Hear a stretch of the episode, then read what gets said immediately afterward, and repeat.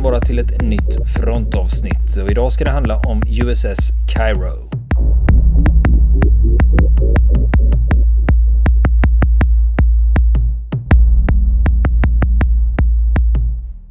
kan man väl kalla för eh, USAs Vasaskepp nästan. Är det så gammalt eller? ja, nej, det är väl lite yngre, som mycket av den amerikanska historien. Eh, men eh, jag var häromsistens och reste runt lite i södra, Eh, södra USA. Och eh, i en eh, Battlefield Park i Mississippi, alltså ett, man kan säga en ett gammalt slagfält som man har gjort om till, eh, till en nationalpark. Eh, historisk nationalpark. Där visar man också ett av eh, de fartyg som deltog i det amerikanska inbördeskriget. För några känner man, alltså även om jag inte har några djupare mm. kunskap, man känner ja. till Monitor och Merrimack. Eh, det är ju en annan historia som vi tänkte ta upp i ett annat program. Men Monitor som var liksom den stora nyheten i sjö, sjökrigföringen. Där de med ett rörligt kanontorn och propeller. Eh, och, eh, men det är en annan sak, för det, det där var på östkusten under det amerikanska inbördeskriget på 1860-talet. Eh, som det det sjöslaget utspelade som man kan säga ändrade den marina utvecklingen, speciellt inom sjökriget. Det var inte bara så att man slogs till havs vid kusterna, utan man slogs på floderna också. Därför att floderna var ju viktiga transportleder. Och ett sätt att eh, under det här eh, inbördeskriget eh, komma åt, för nordsidan att komma åt sydstaterna, det var dels genom en sjöblockad, eh, hindra att de kunde sälja sin bomull och köpa vapen och eh, utomlands och eh, sakta kväva dem till döds. Och det andra var att man trängde in i själva hjärtat av eh, sydstaterna och klöv till slut eh, sydstaterna i två delar 1863. Bland annat genom att använda, framförallt genom att använda flodvägarna i eh, mellersta USA Mississippi. Och, och det, vi, det vi kanske ska lägga till här när det gäller geografin är att Mississippi mm. går väldigt, väldigt långt upp mm. i landet. Det är ju inte bara liksom sydstaterna och Louisiana Nej, och sånt, precis. utan det är ju högt upp. Mm. Det var en mycket viktig kommunikationsled här på, på många sätt på den här tiden och en transportled för militära trupper. Ehm, och eh, där fanns det en hel, eh, ska man säga, eskader av eh, krigsfartyg på eh, nordsidan. Även syd hade sina krigsfartyg. Eh, framförallt på Mississippi då. Eh, och man slog som olika stödjepunkter där då tills eh, unionssidan eh, till slut så småningom lyckades ta kontrollen då över hela, hela Mississippi ner till, ner till Mexikanska golfen. Och då klöv man sydstaterna i två delar. Och ett av de här fartygen då som stred på floderna där hette USS Cairo. En, eh, som man säger, en ironclad. Alltså ett träfartyg som var bepansrat. Som man hade satt pansar på. Eh, det har bärgats och ställts ut på ett friluftsmuseum utanför Vicksburg vid Mississippi. Jag var där och tittade på den för några veckor sedan och det var fantastiskt. Jag blev otroligt överraskad. Jag har bara sett det på bilder tidigare, det här skeppet. Och det var först när man stod framför det som man insåg hur jäkla stort det här åbäket var. Det var lite grann som Vasaskeppet verkligen, lite samma känsla. Wow, liksom, vilket, vilket skepp. Mm. Men hur drevs och, det fram? Jo. För du ja. sa att eh, Monitor var först med propeller mm. och det hade mm. man ju inte här. Nej, det, det här skeppet och de, de uh, skeppen som användes uh, under de här striderna på floderna, de påminde mer om Monitors motståndare Merrimack. Alltså, eh, det här var ju ett var fartyg som var, som var, man hade byggt en stor låda på, en kassematt som man hade fyllt med kanoner helt enkelt. Eh, gamla sådana här mynningsladdade skeppskanoner som man känner igen ända från 1600-talet och framåt. Ehm, Ingick en hel serie. Bak då, paddlarna bak, ja. Som man kan se från, man tänker sig Jajamän. ett fartyg på Mississippi-floden. Exakt. Och, men istället då för den här överbyggnaden som man känner igen i flera våningar med reling och, och så vidare, så var det en, en stor bepansrad låda som var överbyggnaden då, nästan från vattenlinjen och uppåt. Och som med kanonportar åt alla håll. Mm, hur intakt är den? Den är förvånansvärt intakt alltså. Det är mycket som är, naturligtvis är borta. Eh, som har ruttnat bort och rostat bort. Men eh, hela grundstrukturen av fartyget är kvar då. Spant, kanoner och delar av den här överbyggnaden då med, med eh, eh kanonportarna och styr, den bepansrade styrhytten ovanpå alltihop. Och eh, så har man rekonstruerat det då med moderna träkonstruktioner då så att man ska få en uppfattning om eh, vad det är som saknas. Då. Och eh, det hela är ju ja, så transparent att man kan eh, se nästan rakt igenom skeppet var man än står då. Och liksom studera konstruktionen i, på det då. Lite data och prestanda kring det här då att det sjönk 1862 Eh, i slutet av 1862 och på ett väldigt speciellt sätt som vi ska komma tillbaka till. Då. Men det var ett skepp som vägde över 500 ton.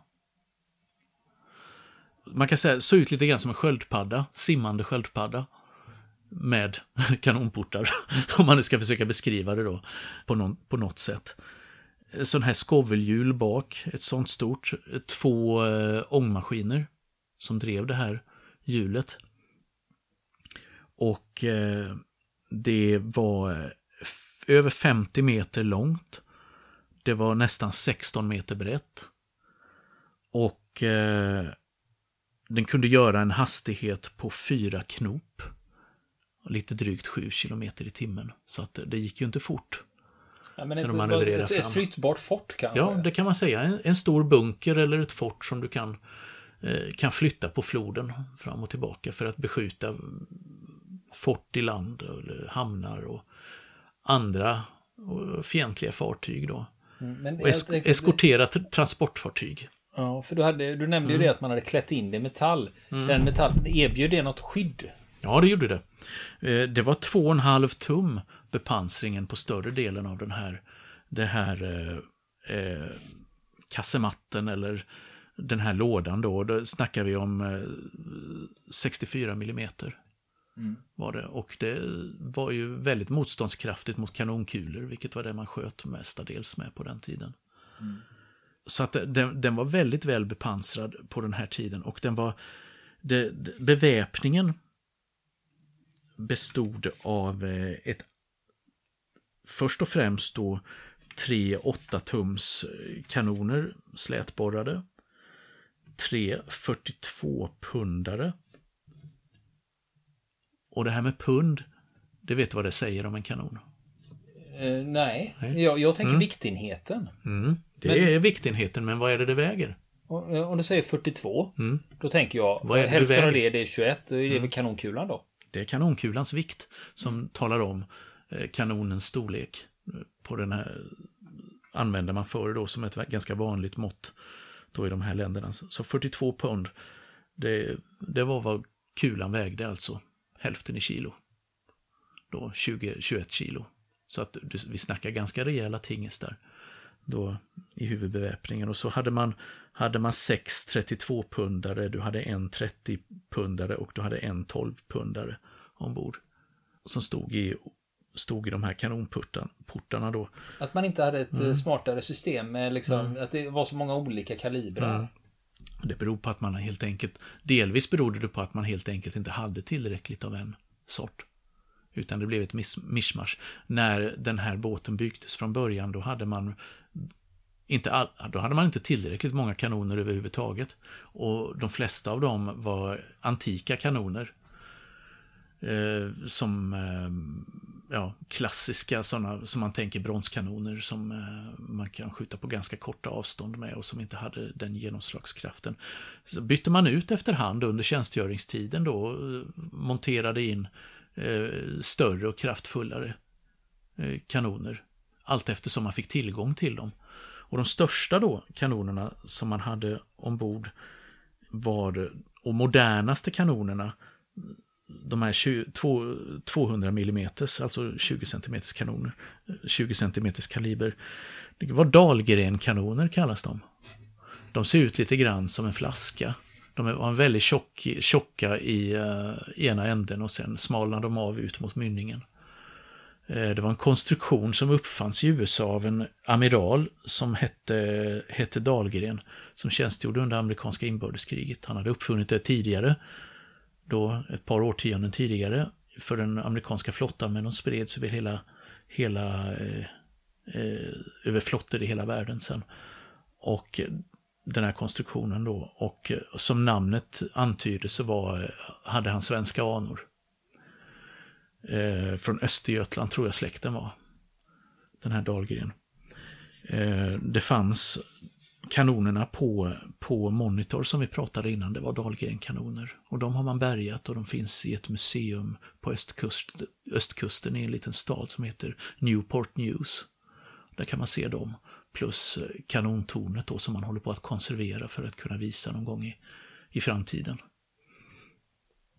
Men så att man kan snacka om att det här var en rejäl best eh, och eh, hade en besättning på 251 man för att sköta kanonerna och ångpannorna. Så att det var rätt mycket folk som rörde sig och trängseln var naturligtvis oerhört stor ombord. Och speciellt i strid då med krutrök och eh, hettan från kanonerna och allt så att man kan tänka sig att det var ganska tuffa förhållanden ombord på ett sånt här fartyg på, på batteridäck. Men alltså det här tillhörde då eh, en serie fartyg som såg likadana ut som byggdes på beställning av Nordsidan eh, började byggas strax efter krigsutbrottet 1861. Eh, för att kunna användas på eh, de floderna eh, under kriget.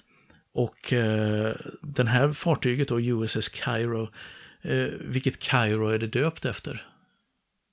Ja, det första jag tänker är ju huvudstaden i Egypten, men det, ja, när du ställer frågan så, så förstår jag att det inte är det. Nej, det är döpt, det är döpt efter, efter en stad som heter Cairo i Illinois.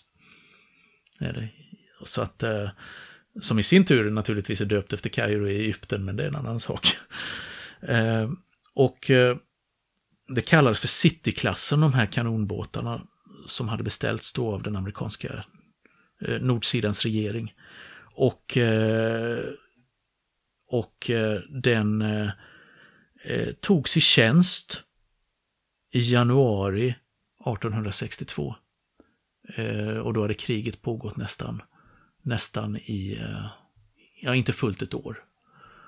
Och tjänstgöringen som det här skeppet gjorde blev också i sin tur inte fullt ett år innan hon hamnade på botten.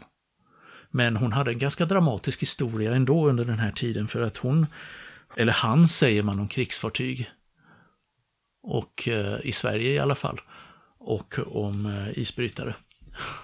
Medan handelsfartygen hon hon sattes i tjänst direkt. Efter bara ett par veckor så deltog eh, det här fartyget, eh, Cairo, i erövringen av en liten stad som heter Clarksville i norra Tennessee. Och därefter, ett par veckor senare, eh, i erövringen av Nashville.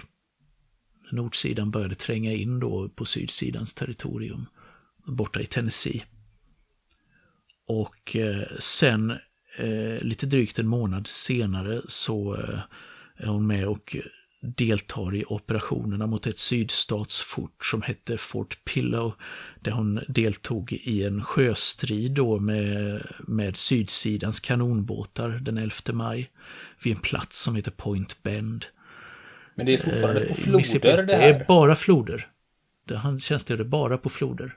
Det här det skulle nog inte vara speciellt sjövärdigt. Du kan tänka dig flodångare som kommer ut på öppet hav. Det, det skulle inte gå så bra när det blåser upp.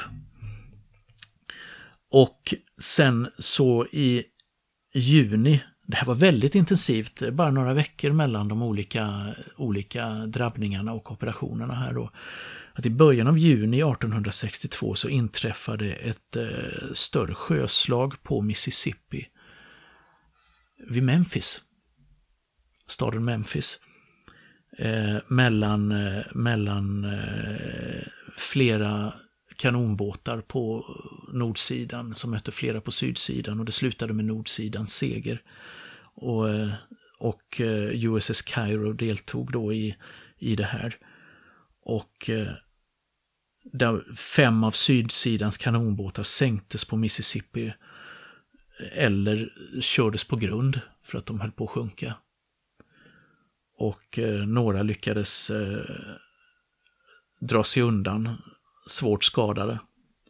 Och det, stor seger för nordsidan ledde till att staden föll samma natt och kunde erövras, en av eh, de största städerna i, i Tennessee vid den här tiden. Och eh, därefter så skickas Cairo ut på patrulluppdrag på en biflod till Mississippi som heter Yazoo.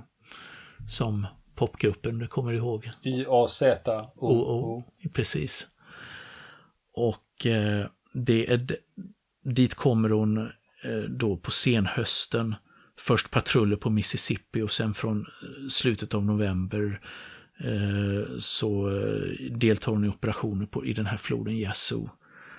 Och eh, där i början av december 1862 så går hon på en torped eller mina. Man vet och sänks. Inte. Ja, alltså det handlar snarare om en definitionsfråga i det här fallet, därför att det fanns inga regelrätta torpeder vid den här tiden. Eh, och, utan det handlade om en laddning som hade placerats till sjöss, men som utlöstes från land. Det satt alltså sydstatssoldater i eh, gömställen till lands, små värn eller bunkrar, dolda och väntade på förbipasserande fartyg och så utlöste de laddningen med fjärrutlösare för att sänka det här. Och de höll man på att röja då, eh, en slags minröjning på, eh, på, eh, som nordsidans sjöstyrkor höll på med. Men där blev man alltså, blev man alltså sprängd i luften av en sån här laddning som utlösts då från landsidan då av några sydstatssoldater. Eh, skeppet sjönk på 12 minuter men alla i besättningen klarade sig. Men de eh, hann bara rädda sig med de kläder de hade på kroppen. Och eh, sen så eh, blev den här, eh, den blev liggande på botten Eh, den kördes över av ett av de andra fartygen som deltog i den här sjöexpeditionen. Då. Eh, så körde man över, ner skorstenarna. Så att de inte skulle synas på ytan. För att eh, sydsidans trupper skulle kunna hitta den och börja bärga exempelvis kanonerna ombord. Eller kanske hela fartyget. Och sätta det i sjövärdigt skick igen. Så man dolde platsen så gott den gick. Och eh, ja, det fungerade för det var ingen som försökte bärga något ifrån den. Och eh, sedan så, eh, ja du vet hur det är med folks minne. Det går historie, gick historier om det här i trakten. Om det här fartyget som hade sjunkit på Yazoo. Men med tiden så dör ortsbefolkningen och de sjömän som hade tjänstgjort ombord och därmed så bleknade minnet bort av exakt var hon hade sjunkit. Det blir lite som med Vasa här. Ja, man vet om att ett fartyg ja, har sjunkit men man vet inte var. Nej, exakt. Hon sjönk ner, bäddades in i leran. Eh, I bottenleran. Vilket gjorde då att det här blev en perfekt tidskapsel också. Där. Att mycket trädetaljer och eh, annat känsligt material, läder och så vidare, bevarades där nere i den här syrefattiga bottenleran. Någon gång efter andra världskriget, då finns det inga ögonvittnen kvar. Då är alla döda. Då börjar man i alla fall fundera på, fan ska vi inte ta och hitta det här? Eh, det är en person då som, eh, som, eh, som bor i Vicksburg som är lite fantast när det gällde just inbördeskrigets historia då på 50-talet. Han heter Edwin Beers. Som arbetade vid den här National Military Park som ligger vid staden Vicksburg vid Mississippi då, där man visar minnen från beläg en belägring av staden Vicksburg som inträffade för 1863. Ändå, för även när du säger mm. Vicksburg, jag tänker ja. direkt slag inbördeskriget. Yes, för det är ju ett känt ställe. Det är ett känt ställe, ett av de mest kända i inbördeskrigets historia, ett av de mest avgörande eh, platserna. Eh, en av de mest avgörande drabbningarna där. Och i alla fall, han tjänstgör där men ger sig fanken på när han studerar gamla kartor från inbördeskriget. Jag ska hitta det här fartyget. Och eh, det gör han till slut genom att använda, att, att åka upp och ner för Yazoo med en enkel magnetisk kompass. Och när den här kompassen till slut på ett ställe börjar gå bananas fram och tillbaka, då inser han här befinner jag mig över någonting där det finns mycket metall under mig. Ja, det var ju en bra metod. Jag tänkte ja. på när man hittar Vasa. Ja, när man släppte ner man ett lod. Där, ja. Man släppte Precis. ner ett lod och så hissade man upp det och tittade. Har det fastnat mm. något? Och till slut hade det fastnat ek. Yes. Och då fattar man att här ligger det. Här ligger det något, ja. Precis. Här använde man en enkel kompass. Gjorde man. Tills man, tills man fick, eh, fick eh, träff. Så att 1956, 91 år efter inbördeskrigets slut, och man börjar bärga föremål från vraket några år senare. Man inser att det här är oerhört välkonserverat. Man hittar, i och med att eh, skeppet hade sjunkit så pass fort så, och besättningen inte hade fått med sig någonting mer än kläderna man bar på kroppen, så låg det oerhört mycket av deras tillhörigheter kvar i vraket och eh, all utrustning som fanns ombord på ett krigsfartyg på den här tiden, vilket gjorde att det var liksom som en fantastisk ögonblicksbild av hur var livet ombord på ett eh, nordstatsfartyg vid den här tiden. kan man se väldigt väl för att mycket av det här finns utställt då i ett museum i Vicksburg idag. Men själva fartyget då låg kvar ända till 1900 65. Då bärgades det slutligen. Och eh, efter stora bekymmer då, man höll nästan på att förstöra det när man skulle gjorde första försöket. Eh, man använde vajrar som skar in så djupt i vraket att man höll på att eh, liksom, Skära sönder ja, massakrera till, slu till slut så kom man fram till att nej men vi delar fartyget, vi delar vraket i tre delar. Tar upp det i tre sektioner. Och så gjorde man det. För hur långt var det? Det var fem, över 50 meter långt. Ja. Var det. Så till slut så får, så får man in det då, då vidtar den här vanliga konserver, brukliga konserveringsprocessen då. Det gäller att bevara träet så att det inte hindrar sönderfallet när det kommer i kontakt med syre, med metallen och så vidare. Mycket sånt och man, man, tog, man eh, rengjorde pansaret. Man tog isär de båda ångmaskinerna i sina beståndsdelar, rengjorde allt, eh, konserverade och satte ihop det igen. Och eh, så höll man på då i många år med det här då för att, för att rädda vraket och stabilisera sönderfallsprocessen då i det. Och till början av 1970-talet då hade man kommit så långt att ja, men nu, vi ska nog göra ett museum av det här. Nu, nu är vi färdiga liksom och platsen kommer bli i Vicks, utanför Vicksburg då i den här Battlefield Park. Där kommer vi göra en, en plats. Och eh, eh, det dröjde från kongressbeslut om det här så dröjde det eh, fem år tills det fanns tillräckligt med pengar för att eh, skapa det här museet. Så det skedde 1977.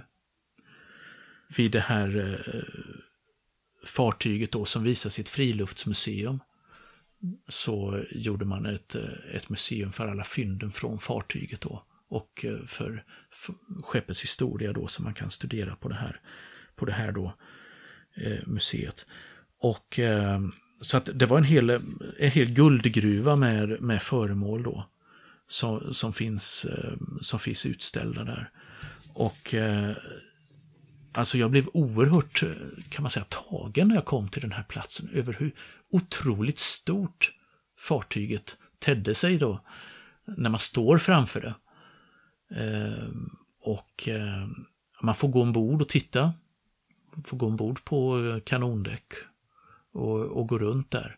Och man kan eh, titta på ångmaskinerna och styrhytten och styrsystemet. Och det är väldigt pedagogiskt uppbyggt och förklarar de olika delarna av fartyget då, för besökaren.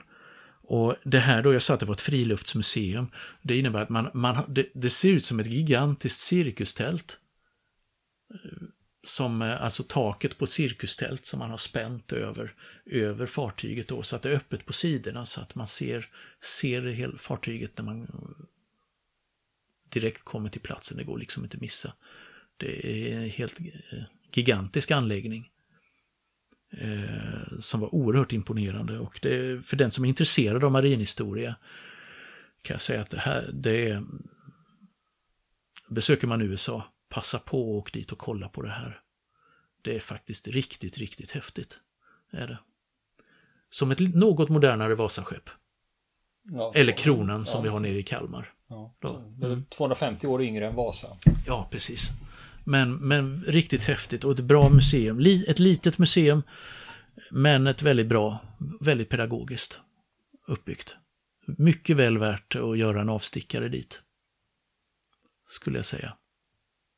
Och en del, eh, kan man säga, eh, som gör inbördeskrigets historia levande och åskådlig för besökaren. Men det finns väl andra saker där och jag tänker på Vicksburg. När du säger Battlefield mm. Park, det måste ju finnas ännu mera saker där än bara skeppet och ja, det gud. som tillhörde det. Jajamän.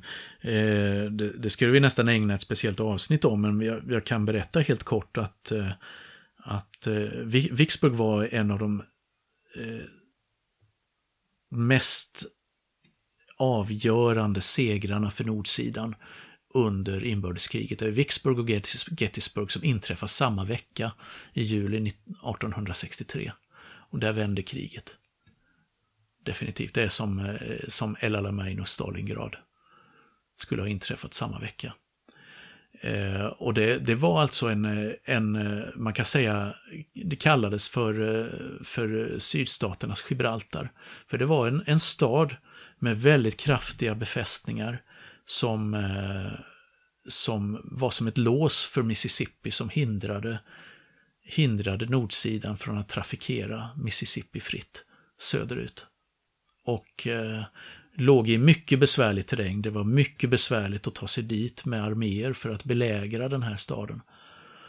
Eh, och det gjordes många försök att närma sig staden under flera månader med början 1862 tills eh, en viss general som heter Ulysses Grant, eh, senare president i USA, lyckas genom en fräck kupp, eh, väldigt oortodox militär operation, placera en armé utanför staden och eh, genomför en belägring som varar i över en månad tills staden har slut på förråd och kapitulerar. Och då har nordsidan öppnat hela Mississippi för trafik. Då är, då är sydsidan, sydstaterna kluvna i två delar. Och sen, ja, det återstår ett par år av kriget visserligen innan, innan eh, sydsidan till slut kapitulerar. Men där, där knäckte man så att säga ryggraden på sydsidan. Definitivt. Och eh, det gör att där i den här Battlefield Park så kan man se eh, dels försvarsverken runt Vicksburg som sydsidan hade byggt. Och man kan också se belägringsanläggningarna, eh, belägringslinjerna som nordsidan byggde utanför staden. Och som i de flesta av de här Battlefields Park så finns det väldigt mycket skyltar ute i terrängen som visar att här var det här och det här och det här regementet. Här på den här platsen inträffade detta och detta. Och eh, massor av kanoner som är uppställda där artilleriet, nord och sydsidans artilleri stod på den här tiden. Kör de med reenactments och sånt där? Det brukar de inte göra i själva parkerna. Det brukar inte vara så populärt från myndigheternas sida. Men, eh, utan de får, brukar få hålla till på andra ställen när man gör sådana eh, reenactments. Eh, så jag har inte hört talas om att man har gjort det. Nej, för jag tänkte mer att eftersom det var mm. platser mm. som var utpekade, här mm. var de, här hände mm. detta. Att ja. om man då skulle Amen. återskapa det på massor exakt av, mm. samma plats. Ja. massor av mer eller mindre bombastiska monument som har satts upp av veteraner och andra efteråt. Eh, det största av dem är staten Illinois monument över de, alla de regementen från stat, delstaten Illinois som deltog på, i nordsidans belägring av Vicksburg och Illinois på den tiden. Eh, där fanns det många svenska immigranter. Det var före den riktigt stora Amerikavågen då. Men eh, många, många immigranter som eh, ställde upp och slogs i, på nordsidan, i, i nordsidans blå uniform. Och eh, på insidan av det här eh, monumentet då, som man kan säga som är, det är som ett stort mausoleum eller någonting. Det går att gå in i det. En stor byggnad med en kupol då som är öppen. Så har man, har man listat namnen på alla soldater från Illinois som deltog i eh, striderna vid Vicksburg 1862-1863. Och eh, när man tittar där så hittar man många svenska namn och även namn på många svenska officerare som reste över för att, eh, för att eh, tog avsked ur svenska armén för att delta i amerikanska inbördeskriget. Som finns uppräknade där. Det låter, mycket intressant. Det låter som en mycket intressant historia. Mm. Mm. Men den återkommer vi till. Mm. Vill ni komma i kontakt med oss så kan ni göra det via vår Facebook-sida som heter Fronten. Det är inga problem för er att leta er fram där. Eller också så mejlar ni på vår mejladress och det är frontenpodcast@gmail.com.